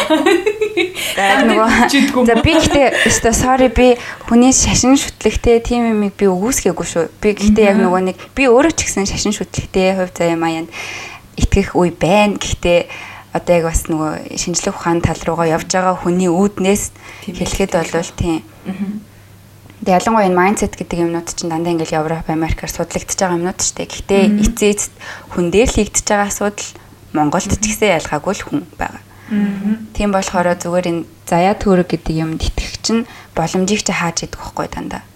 Одоо нөгөө шийдвэрийг тийм шийдвэрийг одоо олох арга замыг чинь ингээ хаачдаг байхгүй. Чи ингээд тэрэндээ буруутай баймааргүй штэ. Тэгхэн бошууд заяа төрөгт ингээд шууд зүгээр ингээд хариуцлага өрүүлээд өө заяа төрөг нүгээс болохгүй байсан, зам нь нийлэхгүй байсан. Угаас заяаны ханд биш байсан гэд ч юм. Аа нэг чинь сохроор ингээд тагт гэхдээ одоо юу гэдэг нэг хүн дээр очингууд би энэ залуудад танилцсан аа бит хоёр болох нь уу эсвэл Тэгээ болохгүй гэж болчтой ч тийм. Тэр чинь тэр чинь одоо яг одоо өөрөө юм хиймээргүй биш тэр чинь. Зүгээр л ингээл хүнээр юмаа хийлгүүлээл тэгэл ингээл амьдэрчмаар Бурхан мэддэг гэж арчмаар шүү дээ. Тэр хүн бол. Тийм тэгж яах ч яг үнийг хэлэхэд за өөрөө бурхан итгэдэг байж болно. Гэхдээ нөгөө хүн бурхан итгэдэг бол яг хуу хувь заяанд итгэхгүй итгэхгүй юм хэцүү шүү дээ. Тэгэхээр чинь тэрэн дээр баг дундыг бариад өөртөөсөө одоо тий эхэлсэн дээр ихгүй бурхантай ярьжсэнаас. Тийм шүү. тэгээд харилцаа гэдэг чинь өөрөө ерөнхийдөө бол тетрис тоглоом шүү дээ. Яг үнийг хэлэхэд. Наач ямар гоё үг вэ? Тийм. Одоо хоёр хүн нийлээд одоо жишээ нь би гурвалжинд дүрстэй нөгөө хүн маань бөөрөн хий те. Тэнгүүд бид хоёр нэг дөрвөлжинд дүрсэн дотор багтах гад үзээд нь штэ. Тэгэх юм бол те гурвалжинд бөөрөнхий хоёр нийлээд хизээш дөрвөлжин дүрс үүсэхгүй штэ. Тэгэх юм бол би те өнцгөөсөө авч хаях ч үе байна. Тэгээ бөөрөнхий маань те өнцөг нэмж хийх ч үе байна. Тийм болохоор тэрэн дээр ажиллах хэрэгтэй байхгүй юу? Яг одоо хэрвээ үнэхээр харилцаагаа бүтээ, майндсетээ өөрчлөе гэвэл Миний одоо нэг үнцэг тэр хүн таарахгүй байвал аваад хайчээ л да тий. Яг хэцүү л дээ. Гэхдээ нөгөө нэг сурсан зан сураар боож болохгүй болохгүй яг хэцүү. Гэхдээ үнэхээр чи тэр хүнтэй хамт баймаар байвал нэг жижигхэн үнцэг аваад хайхад яах вэ? Тэрний чи хариуд тэ дахиад нэг юм ингэж нөхөгдөж орж байгаа байхгүй юу? Хоёр бүр сэтгэл зүйн зөвлөгөө аваад байна. Би бол яг нэг би чинь тэр би авч байгаа юм санагдаж байна. Хүмүүсээ лам дээр очсон сэтгэл зүйч дээр очоо. Үнэхээр тэр өнцгтэй хитрхи хайртай байвал тэгээд одоо яг тий салдгаараа сална. Болохгүй бүтэхгүйгээ явна.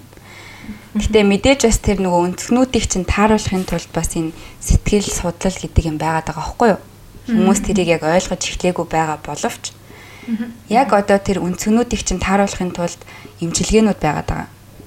Бүр нөгөө партнершип ийм нөгөө имчилгээнүүд терапинууд байгаа байхгүй юу? Гэр бүлийн терапи байна эцэгийнхэн терапи байна. Зүгээр үерхэл нөхөрлөлийн терапи хүртэл байгаа. Тэрэн дээр гэхдээ бас нэг юм хэлэхэд нийтэд нь хэлэхэд эмчилгээг хүмүүс одоо яг ганц одоо асуудал дээр нь ярилцсан гэж ойлгодог байхгүй юу? Одоо жишээ нь би найз залуугаас салчаад ирлээ. Тэнгүүт би яг найз залуугийнхаа талаар сэтгэл зүйчтэй яриад найз залуугийнхаа талаар л зөвлөгөө авна гэж би ойлгодог байхгүй? Одоо монголчууд жишээ нь. Тэнгүүт яг сэтгэл зүйч хүн яадаг вэ гэхээр тэр хүн хизээч чамд найз залуутайгаа яаж харьцах талаар зөвлөгөө өгөхгүй. За. Зүгээр өөрөө өөртөө илүү хайртай байх, өөр өөрийгөө илүү ойлгох те. Яаж харьцвал зүгээр байх уу? Хүнтэй юу нэг яадын гэдгийг чинь л заануу гэхээс биш болвол өө над над ч угаасаа бүтггүй зал байсан бай сал сал гэж хэлэхгүй шүү дээ. Аа. Тийм болохоор хүмүүс тийм зөвлөгөө хүсэж байдаг. Гэхдээ яг үнийг хэлэхэд бүр гүн рүү чинь ингэж өөрчлөлт хийж байгаа байхгүй юу? Наад зах нь майндсетийг ч өөрчилнө хоёрт одоо тэр нөгөө буруу боддог бодлоод байгаа штэ. Бүр нэг юм одоо хүнд бүр нэг тийм юм тогтцсон одоо дүрм шиг юм тогтцсон байдаг байхгүй юу? Би ийм үед ингэж одоо хариу үйлдэл үзүүлэн гэдэг ч юм уу. Тэрийг чинь нэлээд юм флексибл болгоод байгаа байхгүй юу? Имчилгээн дээр. Тийм болохоор сэтгэл зүйч гэдэг зөвхөн одоо салтын талаар чи ярихгүй. Гэр бүлийн чин талаар ярина, найз нөхдийн чин талаар ярина, хоббигийн чин талаар ярина. Юун дуртайгч нь асууна, хүүхэд нас чи яаж өнгөрснийг асууна. Э, ямар ажил хийдин, яг яадын бүх юм чинь ухах байхгүй бүр. Тинчэнээс чинь яг тий хаана яг одоо алдагдал үүсчээд чи хүнтэй харьцаж чадахгүй байна. Одоо хаанаас одоо үүдэлтэй чи ийм амар ууртай байгаад байна Хаанаас үүдэлтэй чи ингээд ийм гунигтай байгаад байна. Хаанаас үүдэлтэй чи одоо тэ салтууд чи ингээд ийм олон байгаад байна. Тэнгүүд одоо наад зах нь те би одоо ингээд ерөөсөө салт ингээд амар салаад нь штэ 3 4 удаа салчлаа. Сэтгэл зүйчтэй олонгууд чинь шууд хүүхд нас руу чи харах байхгүй. Аав ич чи ямар юм? Чи найз зөвхөттэйгээр ямар байдیں۔ гэл. Наазах иймэрхүү. Тэгэхээр яаж ч удсуугаас нэг удаагийн терапигээр нэг удаагийн одоо уулзалтаар тий тэр хүн бол бүх юма гаргаад одоо бүрэн одоо ирүүл болно гэж бол сэтгэл зүйн хувьд бол байхгүй байна. Би би яа сонссон байхгүй хүмүүсээс. Дам дамаар нь. Яг сайн мэдгүй л гэхдээ би бас Монголд хийж байгаа хичээгээд амьдарч байгаа хүмүүсийн одоо бизнесийг инж гэх юм уу хичээл зүтгэлийг нь би өөсөхгүй. Гэхдээ миний сонссноор болохоор дөрөв удаагийн одоо нөгөө одоо цаг өгөөд тэгээ бүрэн одоо сэтгэл готрлыг нэмчилнэ гинэ. За миний мэдхээр бол яг сэтгэл зүйн тийм эмчилгээнүүд болохоор эхний удаад л зүгээр танилцсан. Яг ямар хүн те. За тэгээ дараачихаас нь болохоор 2 3 дахаас нь бол яг нөгөө диагнозын тавих байхгүй юу яг. Оншийн тавь яг юутэй юм. Хүн ингээд би найз залгаас салаад би бүр ойрт унтаж чадахгүй байх гэх юм бол тэр яг юу эсвэл бүр сэтгэл готролд орцсон байгаа нь уу? Эсвэл бүр айцсан юм ихч үж болно шүү дээ. Тэрийг нь олж мэдээд тэгээд дөнгөж 4 5 тагаас нь имчилгээ эхэлнэ. Тэгэд ер нь бол хамгийн богиндоо имчилгээ 3 сараас 6 сарын хооронд байдаг хамгийн одоо богино имчилгээ. Тэгээд дэмэлтээр одоо Монгол тас айгүйх нөгөө имээр имчлээд байгаа хгүй сэтгэл зүг. Гэтэ тэр нь яг яадаг вэ гэхээр бол хүний ерөнхийдөө бол нөгөө нэг кортизол ч юм уу те тэр нөгөө стрессийн одоо тэр нөгөө адреналин ч юм уу те ялгараад байгаа тэр хүнийг ингээд ийм төгшүүртэй байгаад байгаа юмыг ингээд бууруулдаг юмнууд байгаа хгүй юу? Тайвшруул хамрууд л Аа биш тийм тайвшруулна. Тэнгүүд хүн нөгөө нэг сүултээ зомбироод бүр юу ч мэдрэх болчдөг байхгүй юу? Гэтэ имээ бууха болчих юм бол нөгөө юм нь дахиад биш дээ. Яг үл тэр угаас тайлагтаагаа юм чинь байж л штэ. Тийм болохоор сэтгэл зүйд бол ер нь шизофренээс бусад эмчилгээг бол ер нь бол аль болох эмгүүгээр хийх гэж оролддог. Гэхдээ үнэхээр одоо чинь сэтгэл готролтой хүн унтаж чадахгүй байгаад бол мэдээж тэр хүнийг тайвшруулж унтуулж амруулна. Гэхдээ бусад үед бол аль болох ярилцаж те тэр хүнээр өөр өөр нь өөрийг нь олуулах гэж л хичээнэ. Йоо бүтэн бараг цаг 30 минутын ингээд терапи авчлаа тэгээд айгуу сайхан болчлоо. Тэгээ жоохон тайвширт юм тий. Айгуу айгуу гоё ингээд нэрээ ахаад нэг яг сэтгэл зүй чи яажлаа их буянга хийж байгаа байхгүй юу? Бит хоёрыг өөрөө өөртөө маань ингээ юу арга аргыг маань олуулаад яриулаад салалтын тухай. Тэгээ өөрөө сайхан мэдээлэл өгөөд.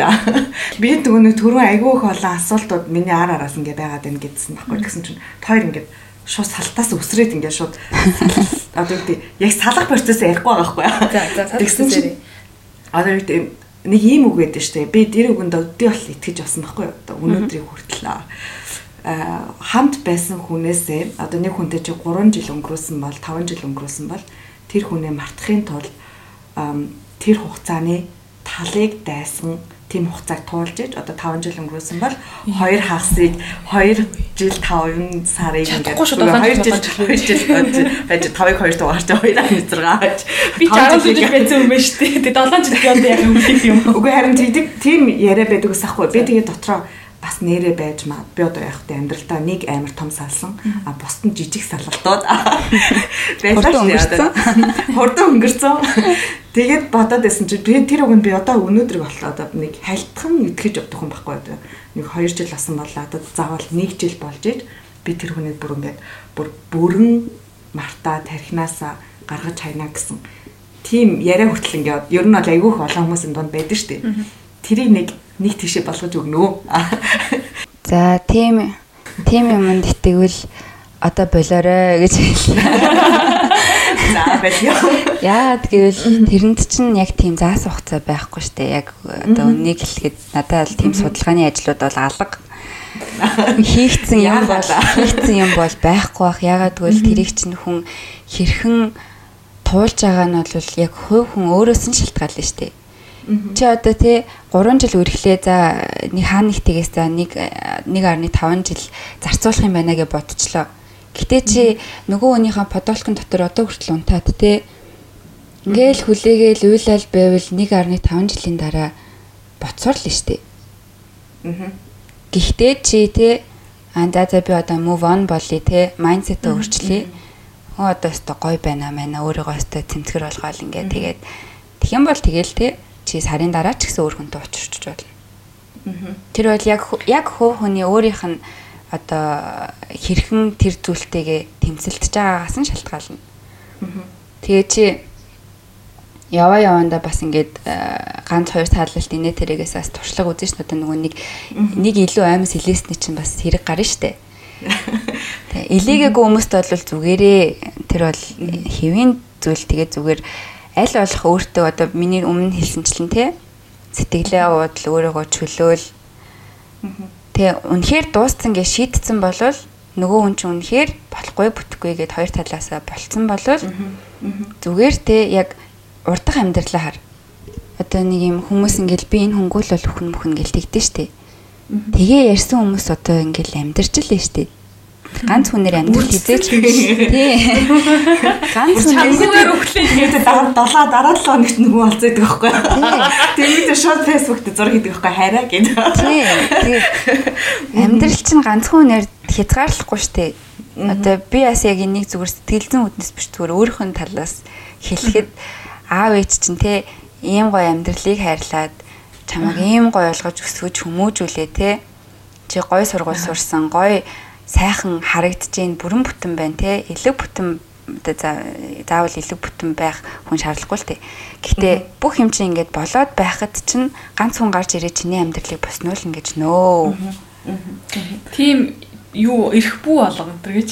Үгүй энэ одоо яг яг ингээ энэ яг над руу чиглээд байна. Гэтэ би бол ингээгүй байхгүй. Үгүй би яг ингээ нэг юм би нэг гинт тэр хийзөөж ингээ суугаад байгаа байхгүй. Гэтэ айгүй их олон эмэгтэй хүмүүс гэж хэлсэн байхгүй. Ийм юм байд юм аа. Би ингээд одоо мартаж чадахгүй 2 жил болж байна гэд.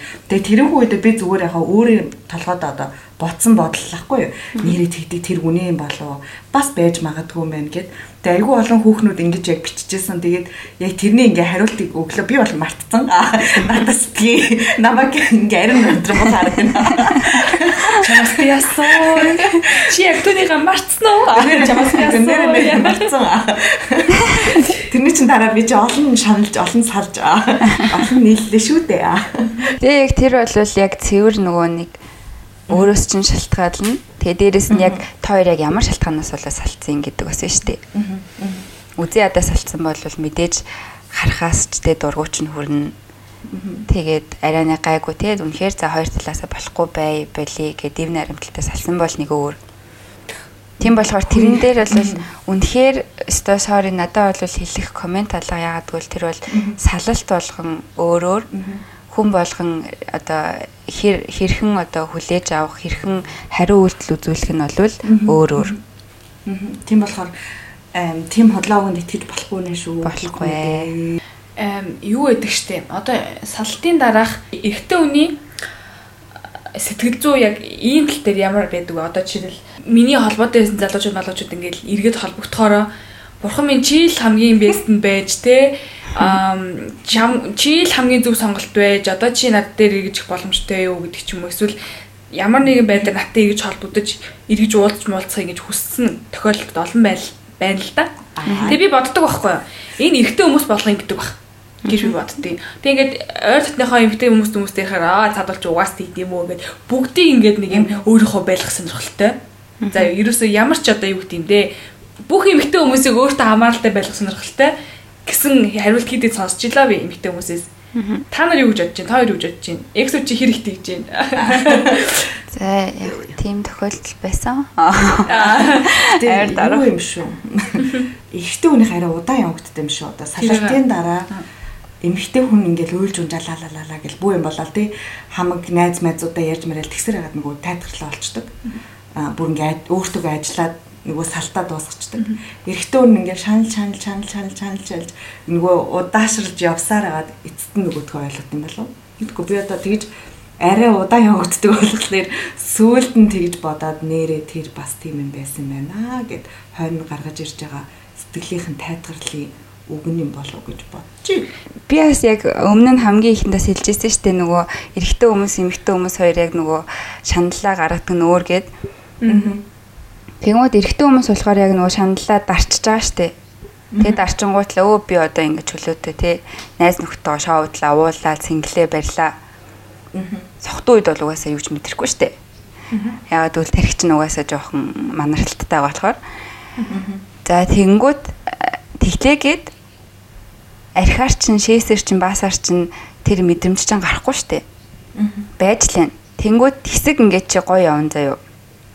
Эрэгтэйчүүд маань гоё явж штэ ингээд аж аргалтай шоудаал арх угаал тамхиад татал өөр юу хэрэгэлдэг чинь мэдгүй.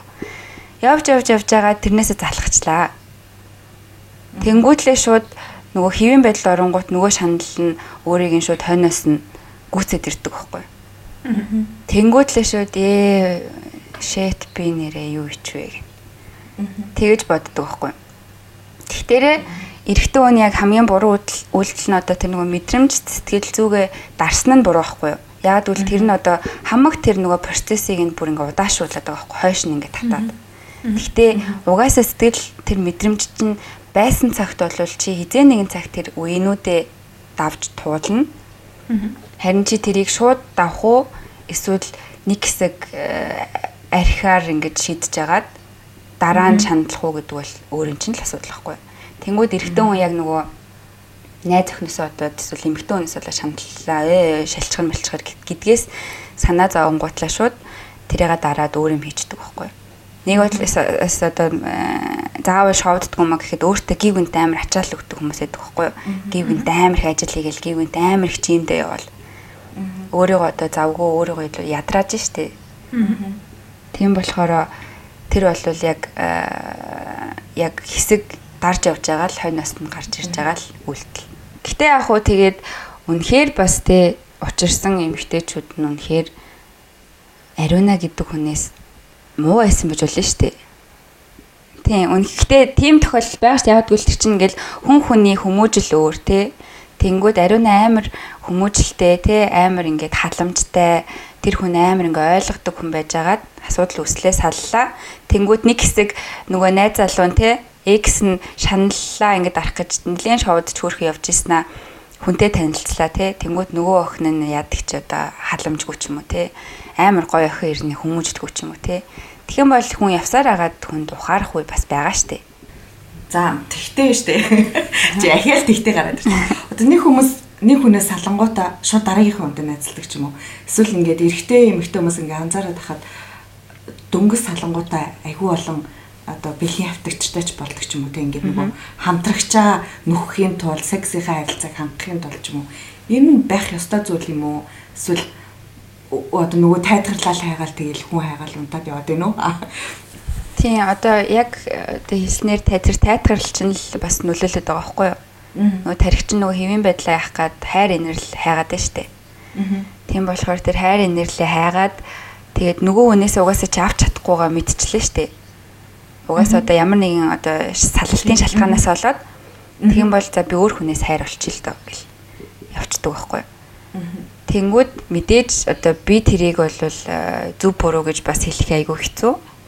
Гэтэ яг одоо өөрийнхөө үзэл бодлыг хэлэхэд бол тэр буруу. Яагаад гэвэл хүнийг хүнээр мартна гэдэг бол угаасаа байж боломгүй. Тэгээд унтлаа хөвтлээгээд биеийнхээ одоо тухайн яг моментийн таашаал тайтгарлыг авч байгаа юу гэхээс эргээл тэ тэр нөгөө сэтгэл зүйд чинь байгаа тэр сэтгэл мэдрэмж чинь арилжна гэсэн үг автоосоо биш байхгүй. Тэгээ нөгөө нэг яг Монгол турхтны 100 эрхэм дээр нөгөө лавгс үрэн хэлсэн байдаг штэ нөгөө харангийн хайртай л бол хайртай. Тэгээ тэр хайр чинь ингээд алга болчихгүй штэ. Тэгэхээр хүнийг мартна гэдэг бол айгүй хэцүү байхгүй угаасаа. Тэр хүнтэй чи тэр хүнтэй чи нэг танилцсан цаг хугацааг өнгөрөөцсөн болвол чи зүгээр тэр хүнийг уучлалт сурнаг өөрийгөө тэгээд тэр хүнийг уучлалт сурнаг гэхээс биш болвол чи тэр хүнийг мартна гэсэн үг биш байхгүй юу? Март одоо мартчихин би тэр хүнийг мартчихлаа гэдэг чинь зүгээр л чи өөрийгөө тэгээд тэр хүнийг уучлаад тухайн салалтаа чи уучлаад өөртөө ив наримталтай байна л гэсэн үг байхгүй юу? Тэгээд чи тэр ив наримтлаа олчих юм бол тэр тайтгалыг олчих юм бол тэр хүнийг чи бодоо шаналаад байх шаардлагагүй болчих واخгүй. Аа. Тийм болохоор яг салалтын дараа тэр ив наримтал тэр одоо амар амгалан олох нь амар чухал. Тэгэд нөгөө хүнээ уучлах хэрэгтэй. Дээрээс нь өөрөө өөрийгөө уучлах нь хамгийн чухал. Ягаад гэвэл за тэр хүнийг бол те уучлах амархан ягаад гэвэл те да угаасаа би энтэй хамаарлаг болсон юм чинь нөө тэгээ уучлсан ч явах уу гэж бодчихно. Гэтэ чи өөрөө өөртөө чи насан турштай амьдрын штэ. Чи насан турштай өөрийгөө буруутгаж одоо тэгээ бүх юмны буруутан болгож хараа зүхэж чадахгүй болохоро Тайтгарлыг авахын тулд чи эхлээд нөгөө нөө уучлаад за ингээ нөгөө нөө би уучлалцсан юм чинь салалтаа би уучлалчлаа тий. Тухайн ситуацийг би уучлалчлаа. За ингээ болоод өнгөрсөн гэх тэгэнгүүт за болоод өнгөрсөн юм чинь би тэ заавал тэр нь чаналаад ах шаардлагагүй өөрийгөө хайрлая. Өөрийгөө уучлалаа. Гэл ив наримталтай байхгүй. Юу юу юу. Зөө зөө зөө. Зөө зөө зөө. За салт гэдэг зүйлийг үнэхээр олон талаас нь бид дуур ингээд дуусахгүй байна. Ярилцлаа. Тэг салж өгөхгүй сэдв байна. Тийм ерөөсөө нөө. Яг их шиг. Өөрөө тэрнээ. Тэ салж гэдэг бол салшгүй зүйл юм аа. Уу яриа л яриа л ах юм ээ. зээрээгүй зүлдсэн ч юм уу айгүй зөндөө хэсэгдүүд ингээ байгаа байхгүй. Тэгэхээр эн чинь барыг 2 цаг болох гоо тийм. Тийм байна. Тэгээ буянгоо чамаас ингээд хүмүүс одоо ингээд зөвлөгөө авъя гэж хамтаа холбогдё гэх юм бол чи зөвлөгөөх боломжтой байгаа юу одоогоор? За юу шүү ам, хүнд яг нөгөө нэг юм а, би мэдээж яг а, зөвлөгөө өгж бол чадна. Гэхдээ яг нөгөө нэг юм эмчилгээ талаасаа ч юм уу те би яг хүнд одоо чи тэг чи инг гэж би бол хэлж болохгүй. Яг одоо мэрэгжлийн үүднээсээ тэр бол бас хуулаараа болохгүй. Гэхдээ зүгээр яг нөгөө нэг хүн ийм дийлэн хүүдэн те ийм нөхцөл байдалд тэгэх аюултай юу, ингэх аюултай юу ч юм уу те надаас ситуац асууж бол болно. Тэгээд би бол ямар ч надад ирж байгаа асуулт, надад ирж байгаа хүсэлт ч юм уу тэр болгоныг бол үнэхээр дуртайа хүлээж авнаа гэж хэлмээр энэ тэгээ үнэхээр завгүй байсан ч гэсэн хамаагүй би хүмүүст бол яг энэ энэ чинь миний мэрэгжил штэ. Хүнтэй харьцаж, хүнтэй ярилцах нь миний мэрэгжил болохоор ямар ч байсан хамаагүй би цаг заваа зарцуулаад хариулнаа гэж хэлье. За. Бит хоёрын энэ одоо сэдвийг те айгүй гоё нээлттэй хүлээж аваад бас хүлээлгийн өрөөнд сайхан саадсан буянгоодоо маш их баярлалаа гэж хэлмээр байна. Тэгээд айгүй гоё сэтгэлийн дугаар эхэлж яхад одоо үүсгэж исэн яриа Тэ иймэрхүү яриа үүсэх бах та гэж бодож ирсэнээс хамаагүй одоо ингээд тайвширсан сайхан яриа болж дууслаа. Тэгээд миний хувьд бол маш их талархаж байна. Хүмүүс ч гэсэн бас одоо яг салтын момент дээр байгаа хүмүүс бас энийг сонсоод эсвэл салцсан яг яхаа мэдхгүй сонсож байгаа хүмүүс бас скэн тайвшрал болж өгсөн болов уу гэж бас найдаж чинь тэгээд э, миний хувьд бол одоо сүүлийн энэ дугаар сүүлийн үгийг хэлэхэд а салхаасаа өмнө салах харилцааг бий болгохгүй байх нь чухлаа гэж Аа ямар лагуу хэлж вэ? Яа. гэж хэлмээр гэсэн чи өгүүлбэр хэлжээ тийм. тий. Айл гэртэж тоглохоос өмнө бодоорой. За хоёр. За буянгаа хэлээд би хэлээ тэгээд дуусгая. За, тийм. За э, тийм яг ариунаг хэлж байгаа зөв.